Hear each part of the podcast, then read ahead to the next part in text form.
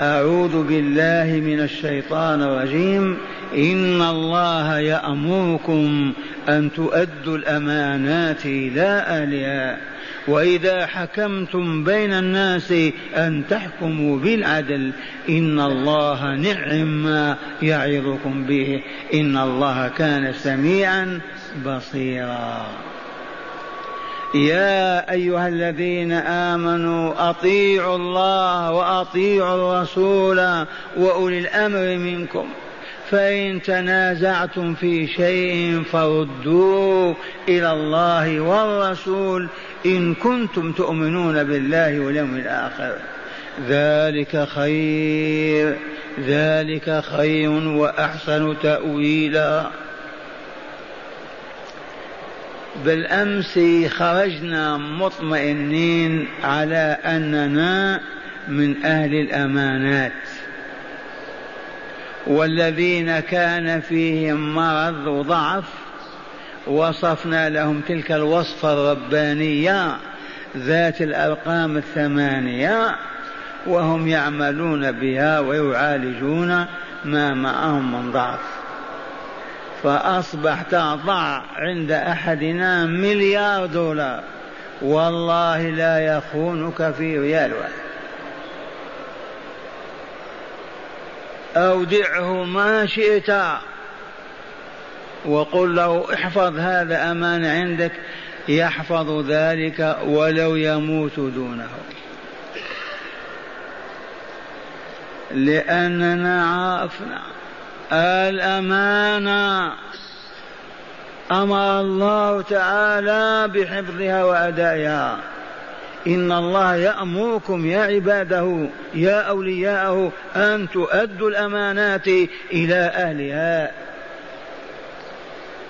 وما دتارسنا بعد.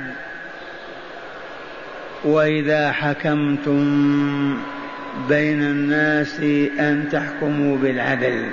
معشر الإخوان معشر المؤمنين والمؤمنات ليس شرطا أن تكون قاضيا فتعدل أو حاكما. كلنا مأمور أن يعدل أولا بين نسائه ثانيا بين أولاده ثالثا بين من في صحبته رابعا أن يعدل وأن يكون عدلا في كلامه إذا تكلم فلا يجر ولا يحيف.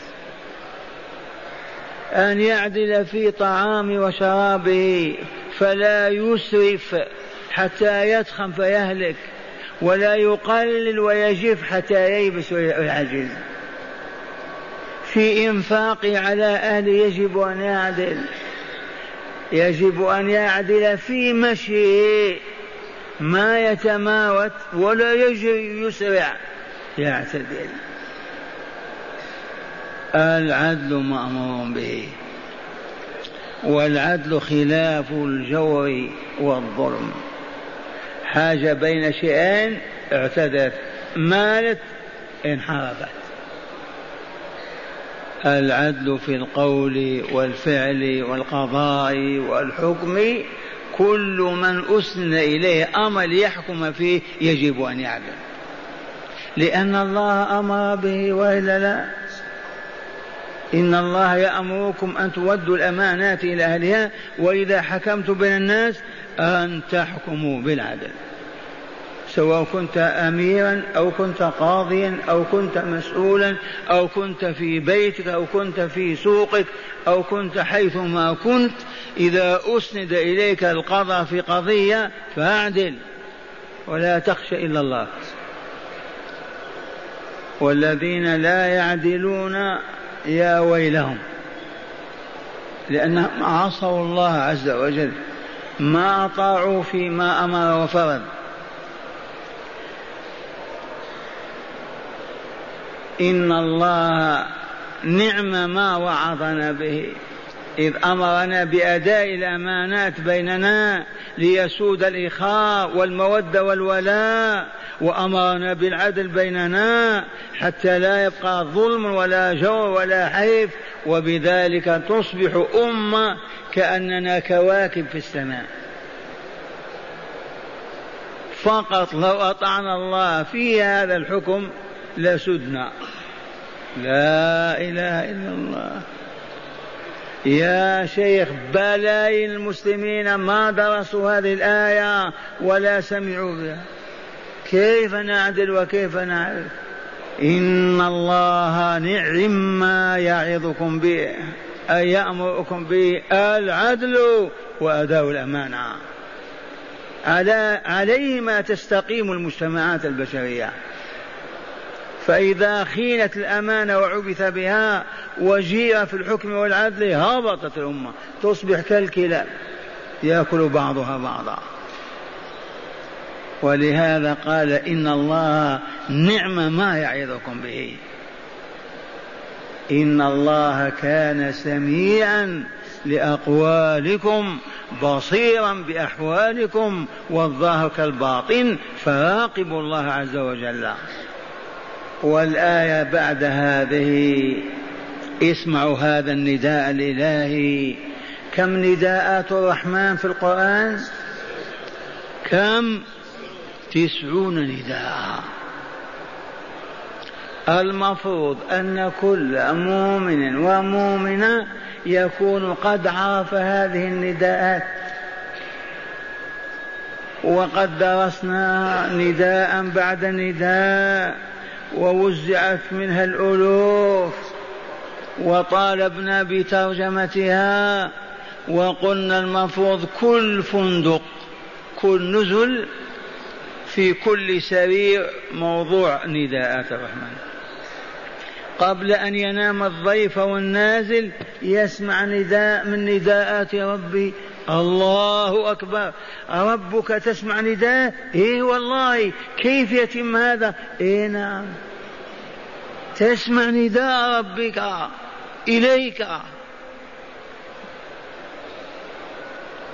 وما هذا فما زلنا كما كنا.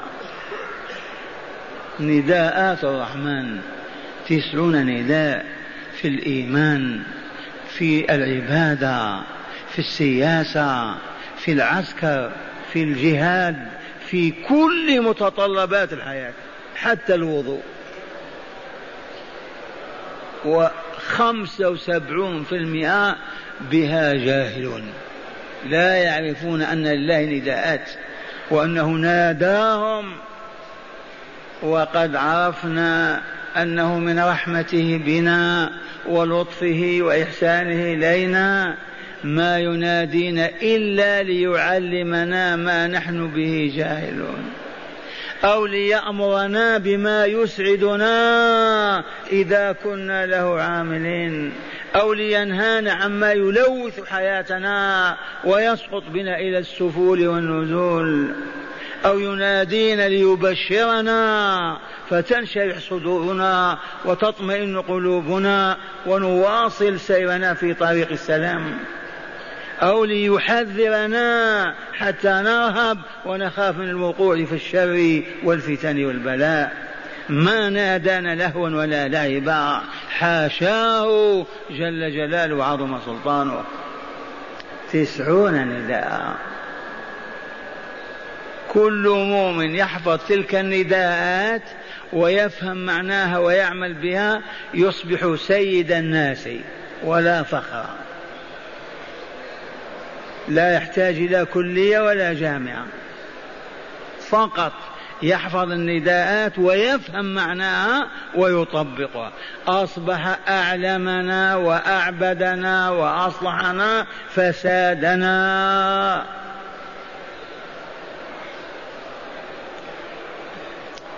يا أيها الذين آمنوا قولوا لبيك اللهم لبيك وسعديك والخير بيديك والشر ليس إليك. أو ما تشعرون أنكم منادون؟ من قال لا لا لا اجعل برنيط على راسكم امشي إلى أوروبا. ما تنادى ولا أنت أهل لهذا. لكن نادى المؤمنين يا من آمنتم بالله ربا وإلها وبالإسلام دينا وبمحمد رسولا وآمنتم بلقاء الله والجزاء في الدار الأخرى أنتم الأحياء بإيمانكم يناديكم ربكم ليأمركم أو ينهاكم أو يبشركم أو ينذركم أو يعلمكم ما أنتم به جاهلون الحمد لله قولوا الحمد لله. والله الحمد لله. ما نحن ومن نحن حتى ينادينا ربنا. الله أكبر. وسر ذلك أننا مؤمنون. المؤمن حي يسمع يبصر يتذوق ينطق يأخذ ويعطي يمشي ويقعد لإيمانه الذي هو قوة حياته. الكافر ينادى يسمع إنك لا تسمع الموتى ولا تسمع الصم الدعاء إذا ولم مدبرين. هكذا يقول الله لرسوله. أولا يؤمن الشخص فإذا آمن حيا فإذا حي مره يفعل. إنهه يترك بشره يستبشر حذره يحذر لكمال حياته. فلهذا عرفنا والحمد لله أن الروح هي الإيمان. آمن عبد الله أو أمة الله حي أو حي كفر مات وماتت ضعف إيمانه ما استقر ولا لاحت أنواره لجهله وبعده عن كتاب الله فهو مريض. تمام المرض. يفعل الواجب ويترك آخر. يترك معصية ويرتكب أخرى ومريض. يسمع الآن وغدا ما يسمعك فإن نقل إلى مستشفى رباني وعالج شوفي بإذن الله. ترك هكذا في أسقام أوجاعه حتى يفنى ويهلك وأمره إلى الله. هل هناك مشافي للعلاج؟ آه. مشافي مستشفيات تنفق عليها الملايين بل المليارات علاج الشعب. تبهتم؟ علاجه في أبدانه كذا ولا وهل من مشافي لعلاج الأرواح. يا شيخ نحن ما نعرف الروح هل تمرض وإلا ما تمرض. ما سمعنا بهذا. فقط العلاج لشفاء الأبدان. أيهما؟ يا معشر البصراء أما العميان لا وجود لهم ولا قيمة لهم. أيهما أعز الروح وإلى البدن؟ لولا الروح ما قيمة البدن لما تخرج اتركوا كالخشبة كذا ولا لا؟ إذا مرض البدن ومرضت الروح أيهما تستعجل؟ الروح أولا. إذا ومشافي الأرواح هي اجتماع المؤمنين والمؤمنات في بيوت الله. لتلقي الكتاب والحكمة وتزكية النفوس وتطهيرها. وقد امتن الله بهذا علينا أي على أسلافنا. أما نحن أعرضنا فقال تعالى هو الذي بعث في الأميين رسولا منهم يتلو عليهم آياته ويزكيهم ويعلمهم الكتاب والحكمة. وإن كانوا من قبل لفي ضلال مبين. المستشفى الروحي بيوت الله. إذا دقت الساعة السادسة مساء وقف دولاب العمل. وغسلنا أيدينا وتوضأنا وأتينا بنسائنا وأطفالنا إلى بيت ربنا في قريتنا أو في حينا. نصلي المغرب كما صلينا ونجتمع كاجتماعنا. النساء وراءنا دون ستارة والأطفال صفوها منظمين بين أيدينا. والفحول كما أنتم والعالم الرباني الذي يعلمنا الكتاب والحكمة ويعمل على تزكية نفوسنا وتطهيرها.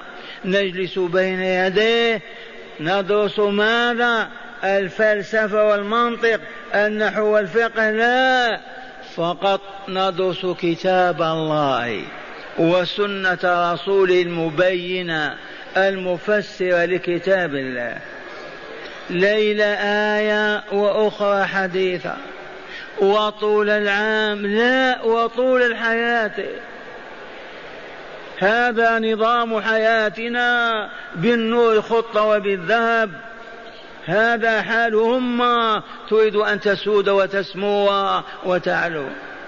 عرف هذا الثالوث الأسود المكون من المجوس واليهود والنصارى فأبعد الأمة عن هذا المستشفى لتبقى مريضة تتخبط يركبون على ظهورها ويسوقونها إلى جهنم. أحلف لكم بالله أو ما تشكون. لا تفهموا أن شيخا مقبل على الله يكذب عليكم وفي مسجد رسول الله صلى الله عليه وسلم أو يتكلم عن جهل. لو نقبل في صدق فقط أربعين يوما. ما إن يؤذن المغرب والدنيا وقفت وكل المسلمين في بيوت ربهم. يتعلمون الكتاب والحكمة. لا مذهبية ولا ولا حزبية ولا عنصريات. قال الله قال رسوله مسلم مسلمون. أربعين يوم يتغير تاريخ الدنيا. ما صنعنا هيدروجين ولا ذرة ولا ولا. فقط أقبلنا على الله في صدق وأخذنا نتلقى الكتاب والحكمة. أربعين يوما لم يبق فاجر ولا فاجرة لا ظالم ولا ظالمة لا بخيل ولا بخيل ولا ولا. كالملائكة. على نحو ما كان عليه. أصحاب رسول الله وأولادهم وأولاد أولادهم من أحفادهم. ما لنا لا نقبل على هذا الخير. ما بلغنا هذا يا شيخ. ما سمعنا به. أما نحن فمنذ سنة ونحن نصرخ. والآن وضعت رسالة في هذا الباب. تبهتم؟ فإذا يسر الله طبعها بالعشرات الآلاف تقوم الحجة لله على كل عباده الحكام والعلماء والأميين. يا أيها الذين آمنوا أطيعوا الله في ماذا؟ أجيبوا فيما يأمركم بفعله وفيما ينهاكم عن فعله. في غير هذا إذا أمر أن تقول قل أمر أن تترك اترك أمر أن تفعل افعل وهكذا. ولكن هل يمكنك أن تعرف أوامر الله ونواهيه وأنت جاهل معرض عن كتاب الله وسنة الرسول؟ مستحيل. إذا لم تتعلم وأنت في بيتك في حجر أمك وأبيك الحرام والحلال والواجب وغير الواجب وأنت طفل في البيت. ثم بعد ذلك تجلس في مجالس العلم وتتعلم. أما أن يعيش أطفالنا في الشوارع يلعبون وفتحنا لهم فتنة الدش والأوراق والعبث ويتعلمون السخرية والاستهداء والكذب وبعد ذلك يصبحون ربانيين. من باب المستحيل هذا. كيف تطيع الله وأنت ما عرفت ما أمرك به؟ وإذا عرفت أنه أمرك بالصلاة هل عرفت كيف تصلي؟ لا بد من معرفة الكيفية. وإلى ما تنتج الصلاة؟ النتاج الطيب من زكاة النفس. الشاهد من هذا نحن مأمورون بطاعة الله ولا لا؟ في أي شيء؟ فيما أمرنا به من الاعتقاد والقول والعمل والصفة. وفيما نهانا عنه من قول فاسد عقيدة باطلة سلوك منحرف صفة خبيثة. يجب أن نعرف هذا وأن نعمل. وإن قلت يا شيخ هذا أمر صعب كذا أيهما أصعب؟ أن تخترق السماوات السبع وتنزل دار السلام في مواكب النبيين والصديقين وشهداء الصالحين أو تلتزم بهذه الآداب؟ أيهما أصعب؟ كل عاقل أو مجنون يقول هذه أسهل بكثير. كوني فقط ألتزم بتعاليم الله فقط مدة من الزمن وأموت. أسهل مليون مرة كيف نخترق السبع السماوات وننزل بالجنة دار الأبرار. ثم الذين يطالبون بالأمن والرخاء والإخاء والمودة والمحبة و و و بدون أن يعرفوا أوامر الله ونواهيه بدون أن يفعلوا ويطبقوا والله ما تم لهم أمن ولا رخاء ولا مودة ولا تلاقي ولا مستحيل. بل تنظر فيهم مظاهر. هذا أبو القاسم. الآن بلديات عدة في فرنسا. أباحت عقد النكاح على الذكور. يأتي الذكر وبيده آخر يقول عقد لنا عقد نكاح. يصبح زوجته. أين الترقي وأين الفوز وأين وأين؟ ما سبب ذلك؟ ما عرفوا الله ولا الطريق الموصل إليه. جهل بعد جهل وكفر بعد كفر.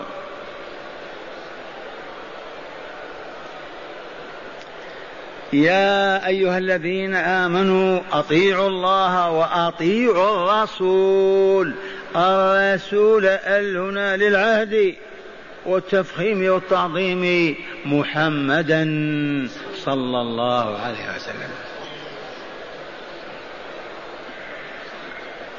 وطاعة الرسول كطاعة الله. إذا أمرك افعل وإذا نهاك أوصوا فقط. ومن قال نكتفي بطاعة الله عز وجل كذا ولا لا؟ نكتفي بطاعة الله. طاعة الله مجملة ولهذا بعث رسوله ليبينها. أمر الله بإقام الصلاة وإلا لا؟ أقيموا الصلاة وآتوا الزكاة واركعوا مع الراكعين. الذي ما يأخذ على الرسول كيف يصلي؟ ينعنع راسه يحرك رجله كيف يصلي؟ إذا لا بد من رسول يبين كيف تصلي. الركوع والسجود والجلوس والقراءة والتسبيح. حتى تعرف فلهذا الذين يسمون بالقرآنيين أشبه بالملاحدة وأشبه من الثالوث في إفساد أمة الإسلام. هؤلاء أدنى مؤمن منا يضرب على وجوههم. القرآن فقط السنة لا قالوا فيها زيادة وضعف وقوة وكذا السنة نتركها. إذا علمونا كيف نصوم. كيف نصوم؟ علمونا كيف نحج. ولله على الناس حج كيف نحج؟ علمونا كيف نقسم تركاتنا. ماذا يقولون؟ إذا لا بد من رسول الله وإلا لا. والآية نص قطعي دلالة صريح وأطيعوا الرسول. ما قال أطيعوا الله والرسول هنا أطيعوا الله وأطيعوا الرسول. أي فيما يأمركم به أمرا جازما وفيما ينهاكم عن نهيا تحريميا. إذ فيه مناهي أوامر آداب فضائل مستحبات. ثباتم و... وأولي الأمر منكم وأطيعوا أولي الأمر منكم ما كرى وأطيعوا لأن طاعة أولي الأمر تابعة لطاعة الله والرسول. والذي يوضح هذا السنة النبوية قول رسول الله صلى الله عليه وسلم وفعله إذ قال من أطاعني فقد أطاع الله ومن عصاني فقد عصى الله ومن أطاع أميري فقد أطاعني ومن عصى أميري فقد عصاني.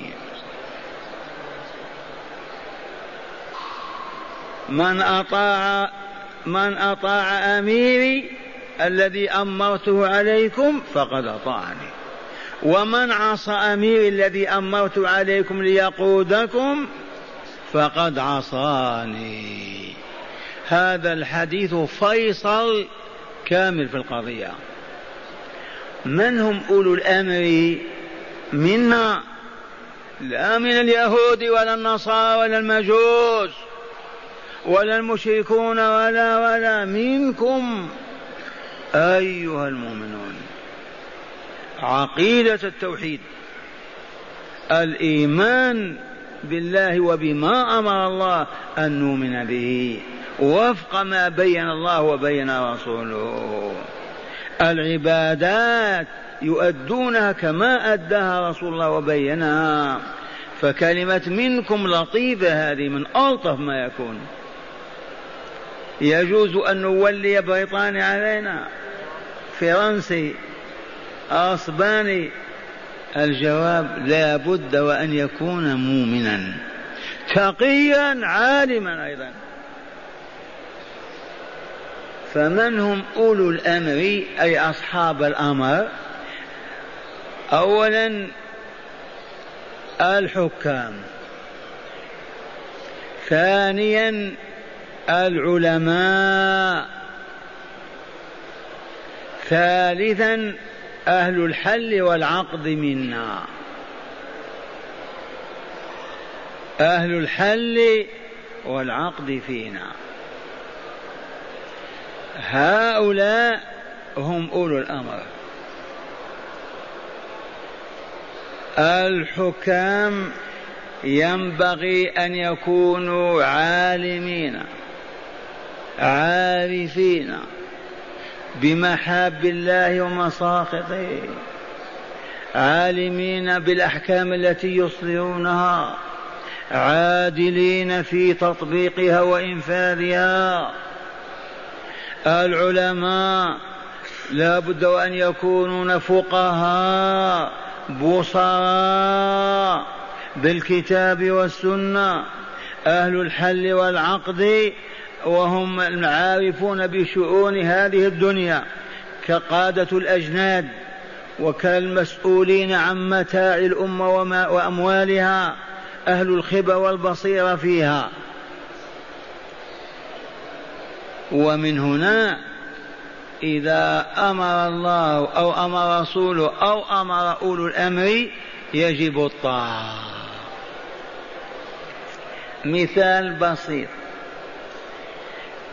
لما كانت السيارات تزدحم في الطرقات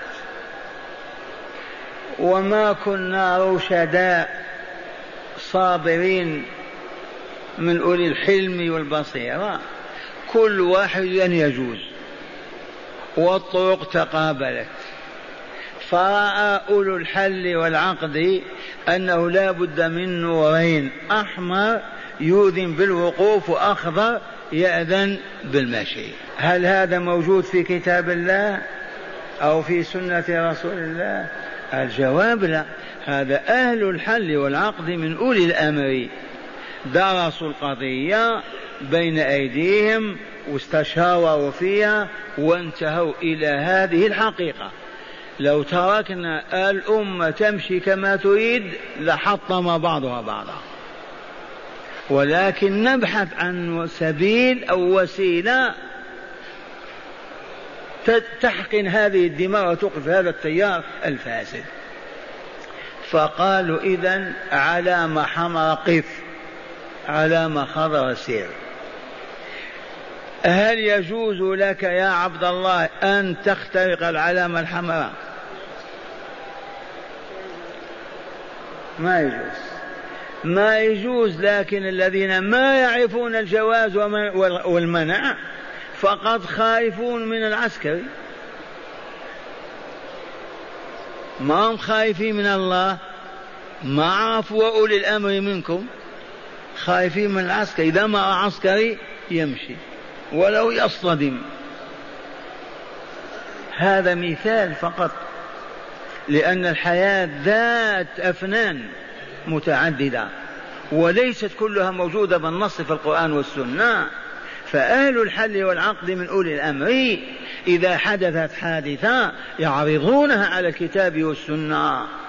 ومن هنا لنذكر أن الكتاب والسنة والإجماع والقياس هذه الأربعة. إلا أن القياس لا بد أن يكون قياسا مقبولا. انتبهتم تلوح فيه أنوار الكتاب والسنة. ما كل من يريد أن يقيس يقيس حتى يهبطوا الشريعة ويمزقونها. عند الحاجة الضرورية حدثت حادثة ما وجدنا نصها في الكتاب ولا السنة يجتمع العلماء الفقهاء البصراء وينظرون تحدث ضررا؟ قالوا نعم. حرم الله الضرر وإلا لا؟ لا ضرر ولا ضرار اذا ما دامت تحدث ضررا امنعوها. قياسا على ما حرم الله من محدثات الضرر. وهذا الموضوع لأهل العلم. الإجماع إذا أجمعت الأمة لا تجتمع على ضلالة أبدا. ولكن تحدث ظروف اجتمعت الأمة في القرن العاشر على كذا. من أمور ليست في الكتاب ولا السنة استنبطت فقط من نور الكتاب والسنة.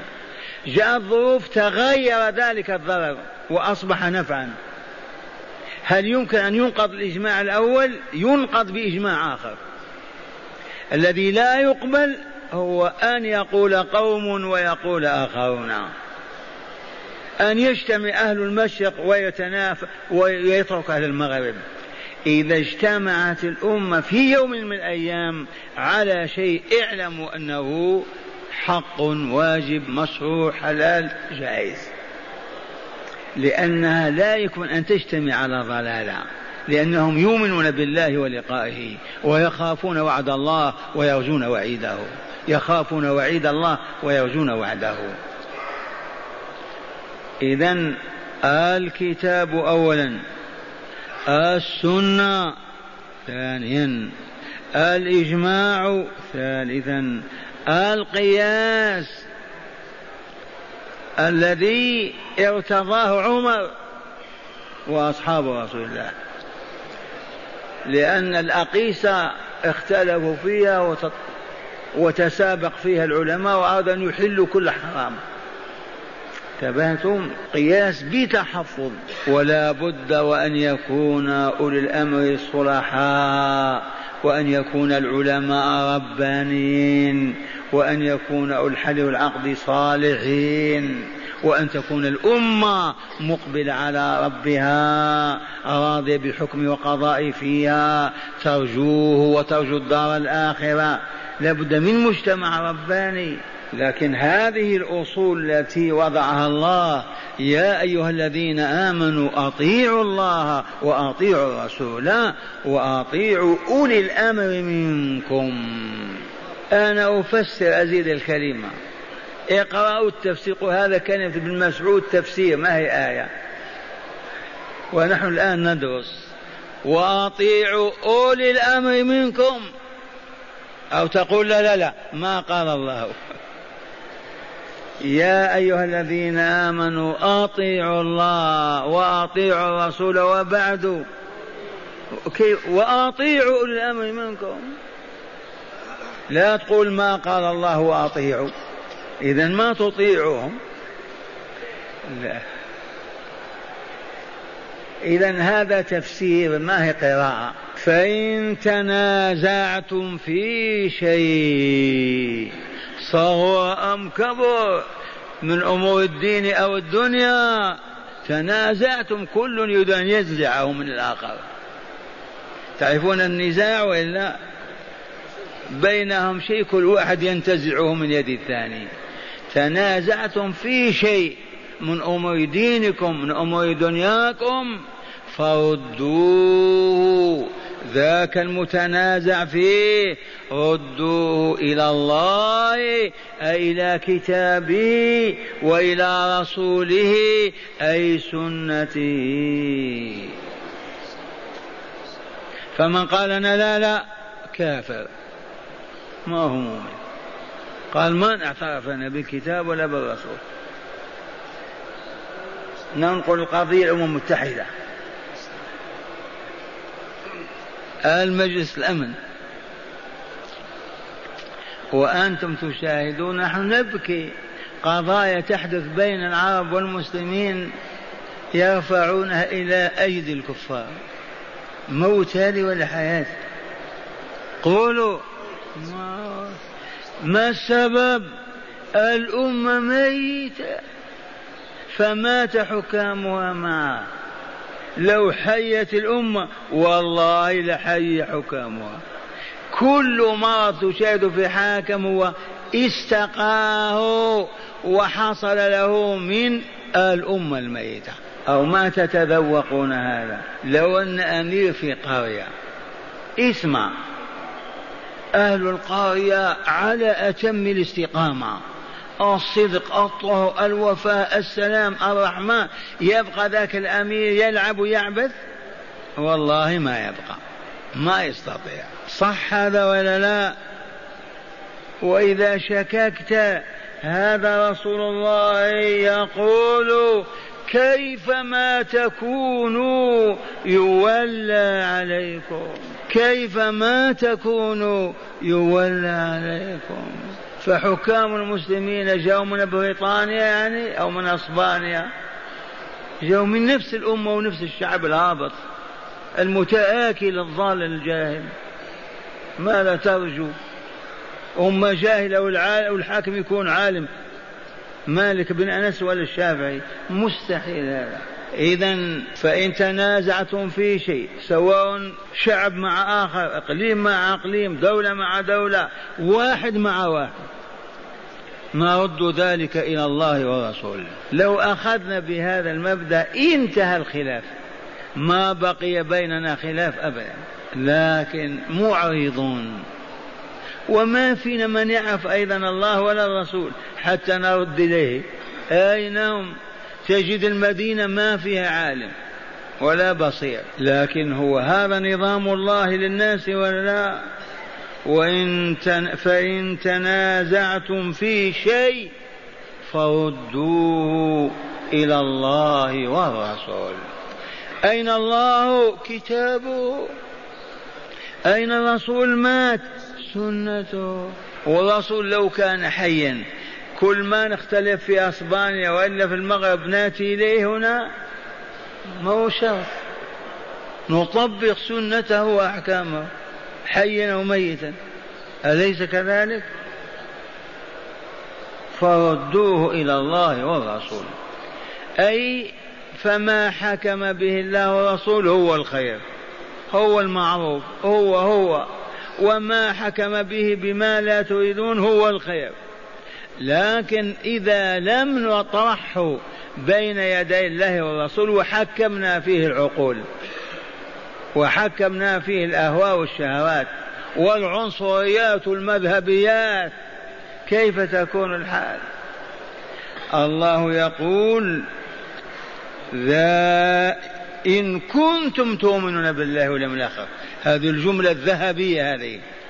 إن كنتم تؤمنون بالله فأن قلنا ما نرد إلى الله والرسول معناه ما آمن بالله ولا باليوم الآخر. أعود ولا يقع الخلاف بين المسلمين في ديارهم بين كذا يرفعون القضايا إلى الأمم المتحدة إلى هيئة إلى مجلس الأمن. وأخيرا رفعت قضية عندنا إلى إيطاليا إلى القوسس لا إله إلا الله. لا تلوموننا يا إخوان هبطنا من ألف سنة. كنا في علياء السماء فهبطنا فنحن كالبهائم على سطح الأرض إلا ما رحم الله. اختلف اثنان هنا في المسجد في سنة ولا فريضة يجب أن يرجع إلى الله. تعال نمشي للعالم. يا عالم هذا يجوز أو لا يجوز؟ ما هو السنة؟ ما هي البدعة؟ ويرجعان متحابين متواليين. مطمئن. ما دام قال الله وقال رسول قبلنا. انتقضت غدا في عالم آخر كذلك الحمد لله قبلنا. ولو مئات مرة. لأني نجري وراء طاعة الله والرسول. متى نقبل هذا؟ لما نربى. ونحن في حجور أمهاتنا على حب الله ورسوله وطاعتهما. وكل آمالنا في الملكوت الأعلى. إن كنتم تؤمنون بالله ربا وإلها حكيما عليما. ولقائه في اليوم الآخر حيث الحساب والجزاء. إما خلد في دار النعيم أو آخر في دار الشقاء. الذي يؤمن بالله واليوم الآخر ما يستمر على جريمة ولا يقر معصية أبدا. وإن شئت حلفت لك بالله. والله ما يقيم عليها. نعم ليس بمعصوم وقع. فجر كذب خان كذا لكن سرعان ما يبكي ويرجع إلى الله. والذي لا يؤمن بالله ولا بلقائه يخاف فقط من الكرباش كرباج العسكري وإلا الرصاصة. فإذا خلا وحده وأمن يفعل ما يشاء كالحيوانات. ولا لوم ميت. إن كنتم تؤمنون بالله واليوم الآخر. ما اليوم الآخر؟ ذاك الذي يوم لا يوم بعده. انتهت الأيام وما بقي إلا البقاء بين يدي الرحمن. بلا نهاية. ويختم تعالى هذا الأمر بقوله ذلك خير وأحسن تأويلا. والتأويل ما يؤول إليه الشيء أي العاقبة. من قال هذا الكلام؟ الله ولا لا؟ أليس حكيما عليما؟ أليس رحيما خبيرا؟ قرر ماذا؟ إن نحن إذا اختلفنا في شيء في البيت في السوق في المسجد في أي مكان نرده إلى الله والرسول ليحكما فيه. هذا يقول تعالى خير. من جهة خير وأحسن عاقبة. فإن لم نرد إلى الله والرسول ونرد إلى الجهل والظلم أو الكفار إذا أسوأ عاقبة أو ماذا؟ شر وأسوأ عاقبة. ذلك يكون شرا ويكون أسوأ عاقبة والعياذ بالله. وهذا الذي حصل وهذا الذي يوجد متى نعود إلى الله يا عباد الله؟ عندما نجتمع في بيوت الله في صدق نتعلم الكتاب والحكمة. ونزكي أنفسنا ونطهر أرواحنا وآمالنا في الملكوت الأعلى. يومها أيما خلاف يقع في القرية في السوق في أي مكان إلى الله والرسول. العلماء أهل الكتاب والسنة.